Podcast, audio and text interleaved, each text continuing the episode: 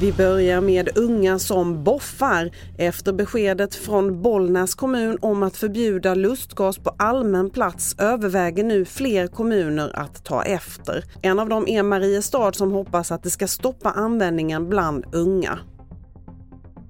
Turkiets president Erdogan gör stora ändringar i sin regering. Efter att han igår svurit eden för en ny mandatperiod presenterade han sina 17 ministrar, varav en kvinna och bara två ministrar från den tidigare regeringen får fortsatt förtroende.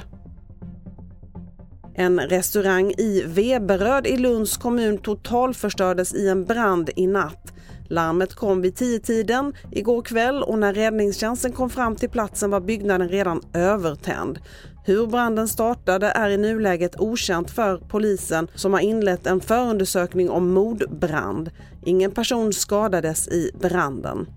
Fler nyheter på tv4.se. Jag heter Libertad Mancini.